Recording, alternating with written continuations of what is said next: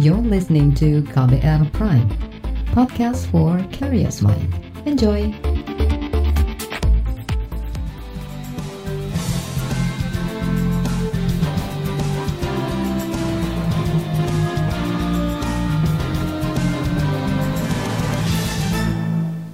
Saudara, pemerintah menyerukan prosedur new normal atau kenormalan baru di tengah pandemi COVID-19. Kenormalan baru disiapkan agar masyarakat bisa hidup berdampingan dengan virus corona selama dunia belum menemukan vaksin atau obat COVID-19. Dalam program new normal itu, sejumlah aturan dalam pembatasan sosial berskala besar atau PSBB dilonggarkan, namun tetap menerapkan protokol kesehatan. Pagi tadi, Presiden Joko Widodo bahkan meninjau persiapan prosedur new normal di sarana transportasi umum MRT dilanjutkan ke pusat perbelanjaan. Apa saja yang disiapkan pemerintah terkait program new normal itu? Berikut penjelasan Presiden Joko Widodo. Pagi hari ini saya datang ke stasiun MRT dalam rangka untuk memastikan bahwa mulai hari ini akan digelar oleh TNI dan Polri pasukan untuk berada di titik-titik keramaian dalam rangka mendisiplinkan, lebih mendisiplinkan masyarakat agar mengikuti protokol kesehatan sesuai dengan PSBB. Akan digelar di empat provinsi dan 25 kabupaten kota mulai hari ini, sehingga kita harapkan kedisiplinan yang kuat dari masyarakat akan semakin terjaga dan kita harapkan nantinya dengan dimulainya TNI dan Polri ikut secara masif mendisiplinkan masyarakat ini, menyadarkan masyarakat, mengingatkan masyarakat, kita harapkan kurva dari penyebaran COVID ini akan semakin menurun. Kita melihat bahwa R0 dari beberapa provinsi sudah di bawah satu dan kita harapkan akan semakin hari semakin turun dengan adanya uh, digelarnya pasukan dari TNI dan Polri di lapangan secara masif. Itu tadi Presiden Joko Widodo. Pernyataan Presiden untuk hidup berdampingan dengan COVID-19 itu akan didukung oleh kepolisian dan TNI. Dua lembaga itu akan menempatkan aparatnya untuk mendisiplinkan masyarakat agar menerapkan protokol kesehatan selama menghadapi pandemi COVID-19. Bagaimana prosedur pendisiplinan itu? Berikut penuturan Panglima TNI Hadi Cahyanto. Rencana pendisiplinan protokol kesehatan ini akan dilaksanakan di seperti yang disampaikan oleh Bapak Presiden adalah empat provinsi dan 25 kabupaten kota.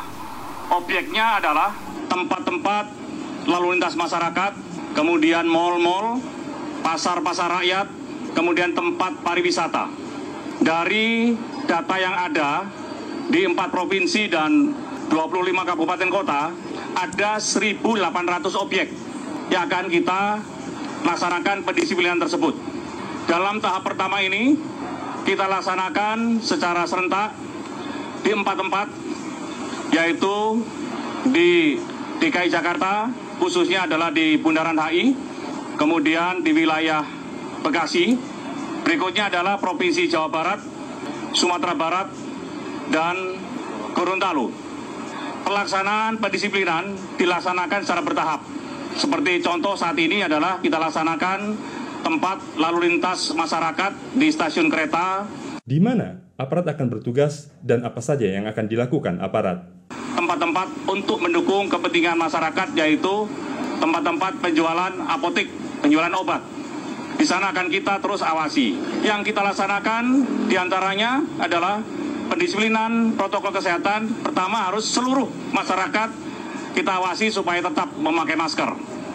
Yang kedua, masyarakat dalam kegiatan juga harus menjaga jarak aman. Dan yang ketiga, kita siapkan tempat mencuci tangan atau alat sanitizer. Mudah-mudahan dengan kegiatan ini tahap pertama bisa berjalan dengan baik. Tahap pertama akan kita atur, contohnya adalah mall yang kapasitasnya 1000 mungkin akan kita izinkan untuk 500 saja dan kita awasi. Termasuk juga rumah makan harusnya mungkin 500 kita batasi mungkin hanya 200 saja. Kerjasama antara TNI, Polri dengan pemerintah daerah. termasuk koordinasi dengan gugus tugas. Mudah-mudahan apa yang kita inginkan semua, masyarakat tetap beraktivitas tapi aman dari COVID-19. Oleh sebab itu, saya mohon dukungan dari seluruh rekan-rekan untuk berhasilnya pelaksanaan pendisiplinan protokol kesehatan tersebut dan mudah-mudahan empat provinsi dan 25 kabupaten kota tersebut nantinya R0-nya bisa turun sampai 0,7 sampai dengan bawah lagi yang lebih bagus. Anggota Polri yang akan dilibatkan kurang lebih 340 ribu karena kita harus mengamankan di 1.800 titik tersebut.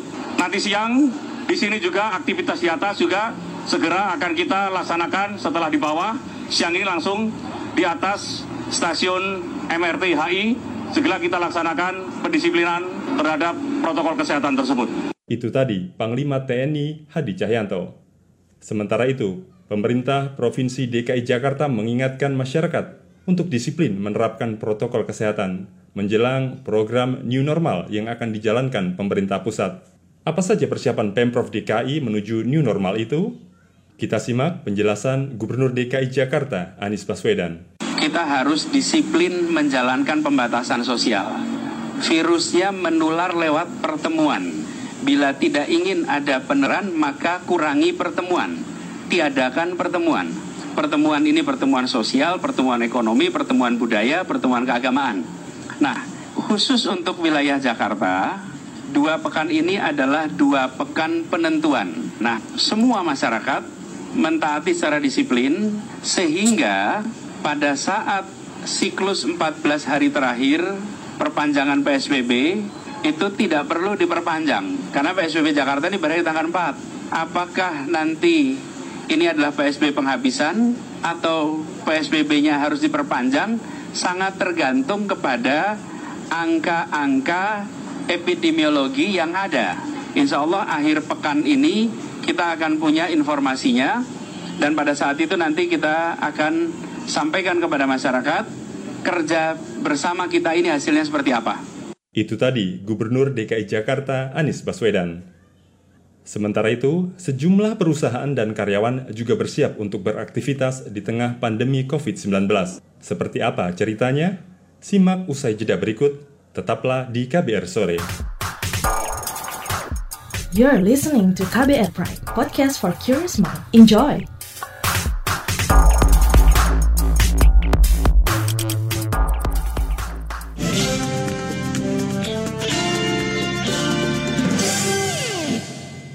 Era normal baru atau new normal pasca pandemi COVID-19 akan segera dijalankan pemerintah.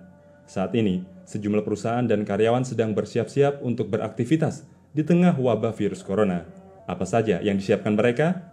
Simak laporan tim KBR yang dibacakan Valda Kustarini. Tiga hari dalam seminggu, Julian Praditya harus berangkat ke kantornya di wilayah Sudirman, Jakarta Pusat. Selama pandemi COVID-19, karyawan perusahaan bank swasta ini mendapatkan pembagian bekerja dari rumah dan bekerja di kantor. Perbankan adalah salah satu sektor yang diperbolehkan beroperasi pada masa pembatasan sosial berskala besar atau PSBB. Kita nggak operasional langsung, maksud kita nggak yang bikin laporan langsung gitu. Jadi kita juga masih ada kesempatan untuk WFA-nya, cuma karena sesekali kita harus bikin laporan ke direktur, jadi masih harus masuk gitu sih. Julian memprediksi kantornya akan mulai aktif saat memasuki new normal atau normal baru. Ia mengaku bakal mempersiapkan diri untuk itu, salah satunya dengan mematuhi protokol kesehatan yang ditetapkan pemerintah, semisal dengan menggunakan masker saat di luar rumah bisa mungkin tetap untuk jaga kayak kebersihan. Gue sering bawa hand sanitizer sebelum pandemi dan memang gue rutin pakai masker jadi belum pandemi ataupun new normal nanti itu ya gue mungkin akan membiasakan hidup sehat yang udah gue lakuin sebelumnya gitu sih. Meski begitu, ia mengaku tetap khawatir saat kondisi normal baru ditetapkan Juni mendatang. Pasalnya, kasus positif corona di Indonesia belum menunjukkan penurunan. Sebenarnya sebelum dilonggarkan aja udah khawatir banget karena kalau misalkan melihat berita-berita yang beredar kan kayak misalkan lo masih PSBB aja, pasar, masih rame. Balik lagi mungkin tergantung masing-masing disiplin orangnya. Kalau misalnya memang dia serius ikut membantu pemerintah untuk menyelesaikan masalah pandemi ini, ya mungkin mereka akan lebih disiplin lagi untuk berdiam diri di rumah. Lain halnya dengan Vidya Larasati, seorang karyawati di perusahaan konsultan pengembangan sumber daya manusia di Bandung, Jawa Barat. Ia mengaku sudah mulai bekerja normal sejak pertengahan Mei, meski PSBB masih berlaku di kota tersebut. Vidya mengungkapkan alasannya kembali kantor karena harus melakukan tugas asesmen klien perusahaan dari kantor kita kerjaan-kerjaan juga nggak banyak yang keganggu kecuali untuk yang proses-proses kayak assessment rekrutmen yang biasanya kita offline kita ubah ke online jadi semua kerjaan juga bisa dilakuin nggak harus berhadapan sama klien. Vidya tak menampik bahwa ia juga merasa khawatir menghadapi keadaan new normal sebab ia harus naik kendaraan umum untuk berangkat ke kantor. Kalau kekhawatiran ya pasti khawatir banget gitu apalagi ya kita juga nggak tahu selama perjalanan dari sini sampai kantor walaupun memang kita nggak bersentuhan langsung sama orang bisa aja kita menyentuh benda yang udah dipegang orang lain atau was-was pasti cuman ya diimbangi juga kayak minum vitamin terus banyak banyak membersihkan diri kayak gitu.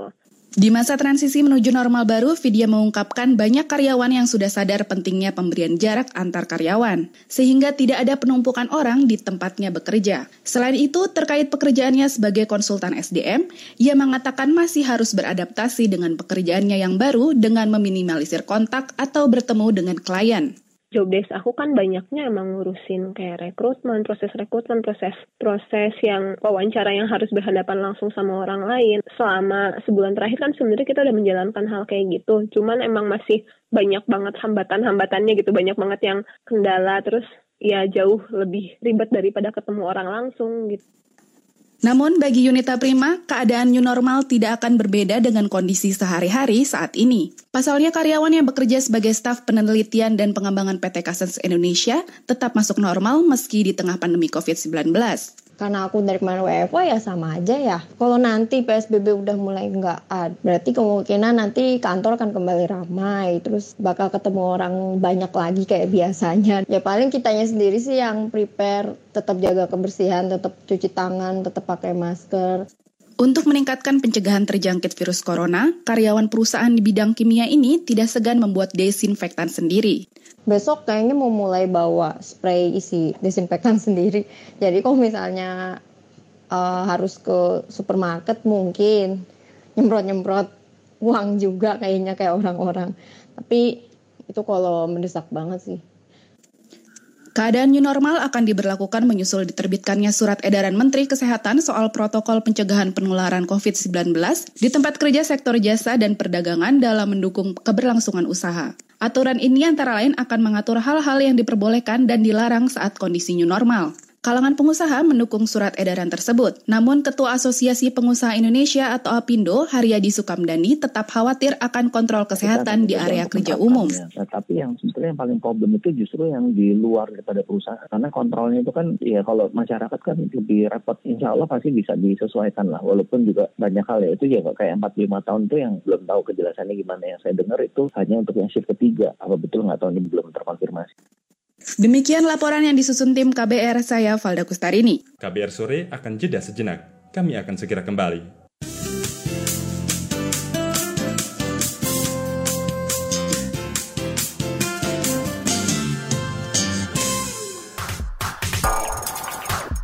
You're listening to KBR Pride, podcast for curious mind. Enjoy!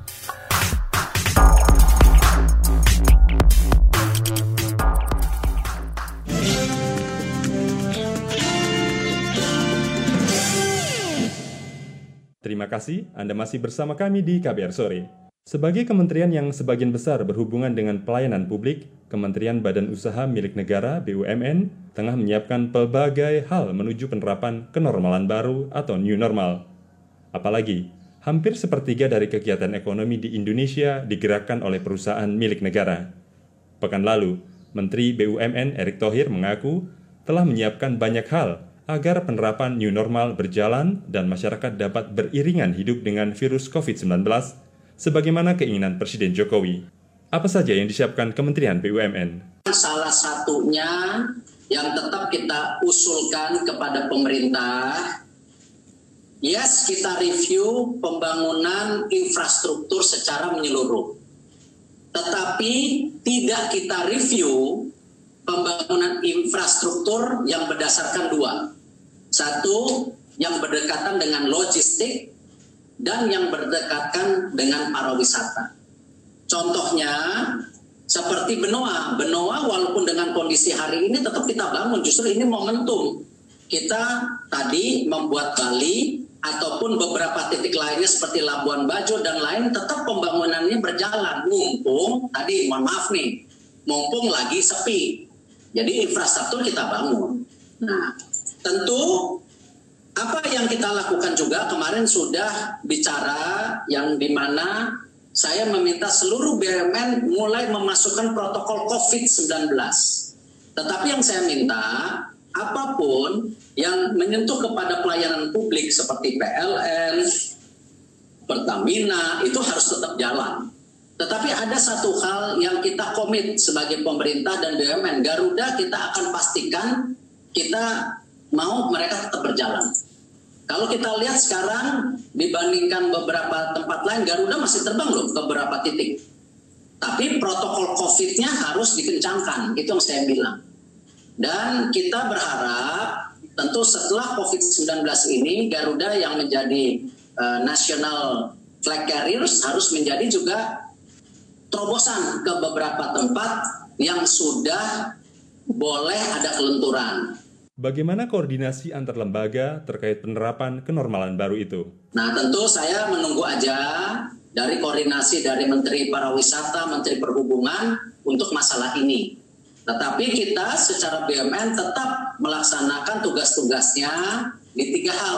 Apakah pembangunan infrastrukturnya, apakah mulai mencoba menerapkan COVID-19-nya ketika pemerintah memutuskan kita harus siap lebih awal, dan ketiga, apa yang kita bisa jalankan sekarang untuk mendukung seluruh dari tadi apa yang dibicarakan apakah pariwisata, apakah energi, apakah pangan kita tetap jalankan sebaik-baiknya tanpa tadi melanggar COVID-19 punya protokol. Apa yang akan dilakukan industri di BUMN merujuk kepada skenario new normal? Tantangan kita tadi bagaimana kita punya manajemen yang bisa membangun supply chain yang baik. Nah ini tentu tantangan yang tidak mudah buat kita semua, tapi saya yakini harus bisa. Contoh lainnya, mungkin ini dua slide terakhir, ini yang terjadi di industri kesehatan, di BUMN, semuanya overlapping, ya dan tidak jelas keberpihakannya. Ngelihat gambarnya aja pusing. Nah, ini yang kita merubah ke depan. Next slide. Nah, bahwa R&D ya Bio Farma, Indo Farma, Kimia Farma, IHC bekerja sama dengan perguruan tinggi dan lembaga research. Lalu kedua, kita bikin klasifikasi yang jelas. Misalnya Kimia Farma akan fokus kepada chemical drugs. Indo Farma berpihak kepada herbal. Bio Farma fokus kepada stem cell, biosimilar, vaksin dan lain-lainnya. Jadi tidak saling berebut kuenya. Lalu juga di non drugs atau di alat kesehatan. Kita coba klasifikasi juga. Ya, apa Indio Farma, apa Kimia Farma, misalnya tadi. Karena Kimia Farma kuat atas retailnya, ya kosmetik, nutrition, biar aja di Kimia Farma. Itu tadi Menteri BUMN Erick Thohir. Sementara itu, Satgas COVID-19 dari Ikatan Dokter Indonesia (IDI) berpandangan pemerintah perlu mempertimbangkan syarat-syarat penerapan kenormalan baru atau new normal. Apa saja syarat tersebut? Nanti akan kita perbincangkan usai jeda. Tetaplah di KBR sore.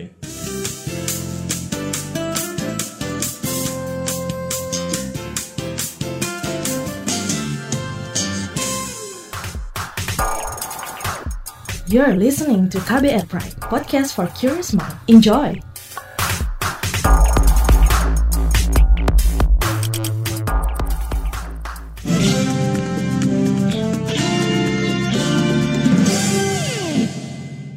Ikatan Dokter Indonesia IDI berpandangan pemerintah harus berhati-hati ketika hendak menerapkan prosedur kenormalan baru. Harus ada syarat-syarat yang dipenuhi. Apa saja rekomendasi dari IDI terhadap penerapan program kenormalan baru itu? Berikut petikan wawancara jurnalis KBR Mutia Kusuma dengan Ketua Satgas COVID-19 Ikatan Dokter Indonesia, Zubairi Jurban. Bagaimana tanggapan ID terhadap kebijakan new normal yang akan diterapkan oleh pemerintah? Eh, kan kira-kira akan melonggarkan PSBB, kemudian masuk ke new normal gitu ya. Eh, pelonggaran PSBB biasanya kalau di belajar dari negara lain itu setelah eh, angka kematian berturut-turut turun terus setelah eh, beban rumah sakit makin lama makin berkurang, eh, kemudian eh, beberapa eh, hal lain artinya termasuk juga eh, masif eh, rapid testnya sudah makin banyak, kemudian PSBB dilonggarkan kita masuk ke new normal itu. Uh, kemudian dok, akan berpengaruhkah pada ketersediaan tenaga medis apabila kita sudah memasuki uh, tahap new normal begitu? Lalu kalau yang new normal kan setelah PSBB longgar. Nah PSBB longgar kalau syarat yang saya sampaikan tadi dikerjakan ya tidak jadi beban kan. Salah satu syaratnya adalah pasien-pasien COVID-19 yang dirawat inap di rumah sakit-rumah sakit makin berkurang. Kalau makin berkurang berarti si uh, tidak menjadi uh, beban yang berat buat uh, tenaga kesehatan maupun rumah sakit. Kemudian dok, uh, apa saja sih yang harus disiapkan pemerintah begitu? Mengenai new normal, new normal itu kan uh, sebetulnya masalah disiplin. Jadi sebelum masuk uh, parameter parameternya apa saja, disiplin itu berarti sudah paham. Jadi memang perlu edukasi masyarakat supaya eh, mengetahui dulu, kemudian memahami, kemudian melaksanakan eh, perilaku new normal itu dan agar tetap melaksanakan perilaku new normal eh, untuk jangka panjang ke depan. Sebetulnya mirip-mirip eh, eh, new normal itu sama saja dengan PSBB, namun dikurangi sekarang sudah boleh bekerja, kemudian boleh traveling, kemudian eh, boleh sekolah, boleh ke mall, ke restoran. Eh, namun yang tetap yang harus dijaga, yang paling penting adalah tetap jaga jarak, tidak boleh banyak kerumunan orang, kemudian eh, pakai eh, masker, sering cuci tangan, itu yang yang tetap harus dikerjakan. New normalnya itu artinya tidak bisa total kayak tahun yang lalu, dua tahun yang lalu, tetap saja empat hal ini harus dikerjakan. Artinya sekali lagi harus keluar rumah pakai masker, sering-sering cuci tangan, eh, kemudian eh, jaga jarak, dan jangan bikin kerumunan banyak orang. Itu yang penting itu.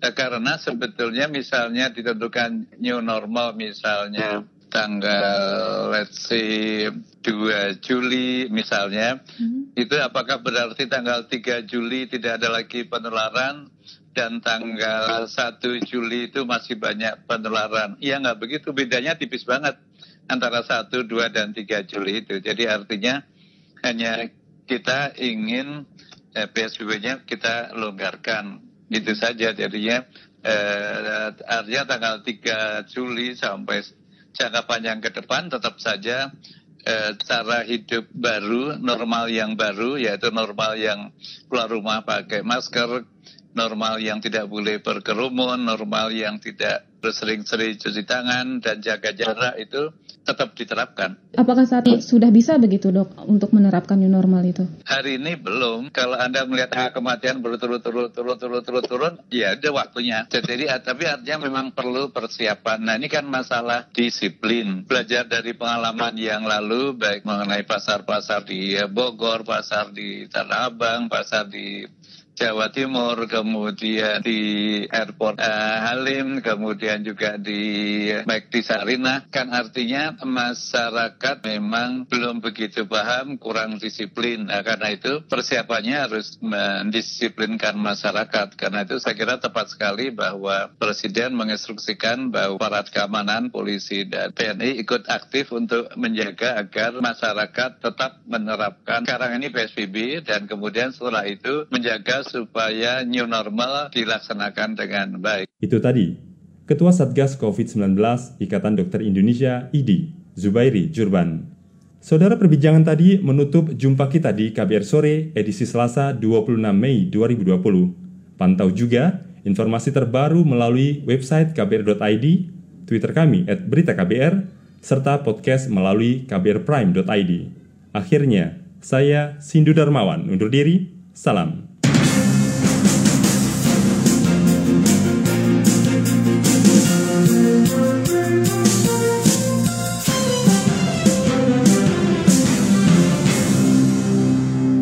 KBR Prime, cara asik mendengar berita. KBR Prime, podcast for curious mind.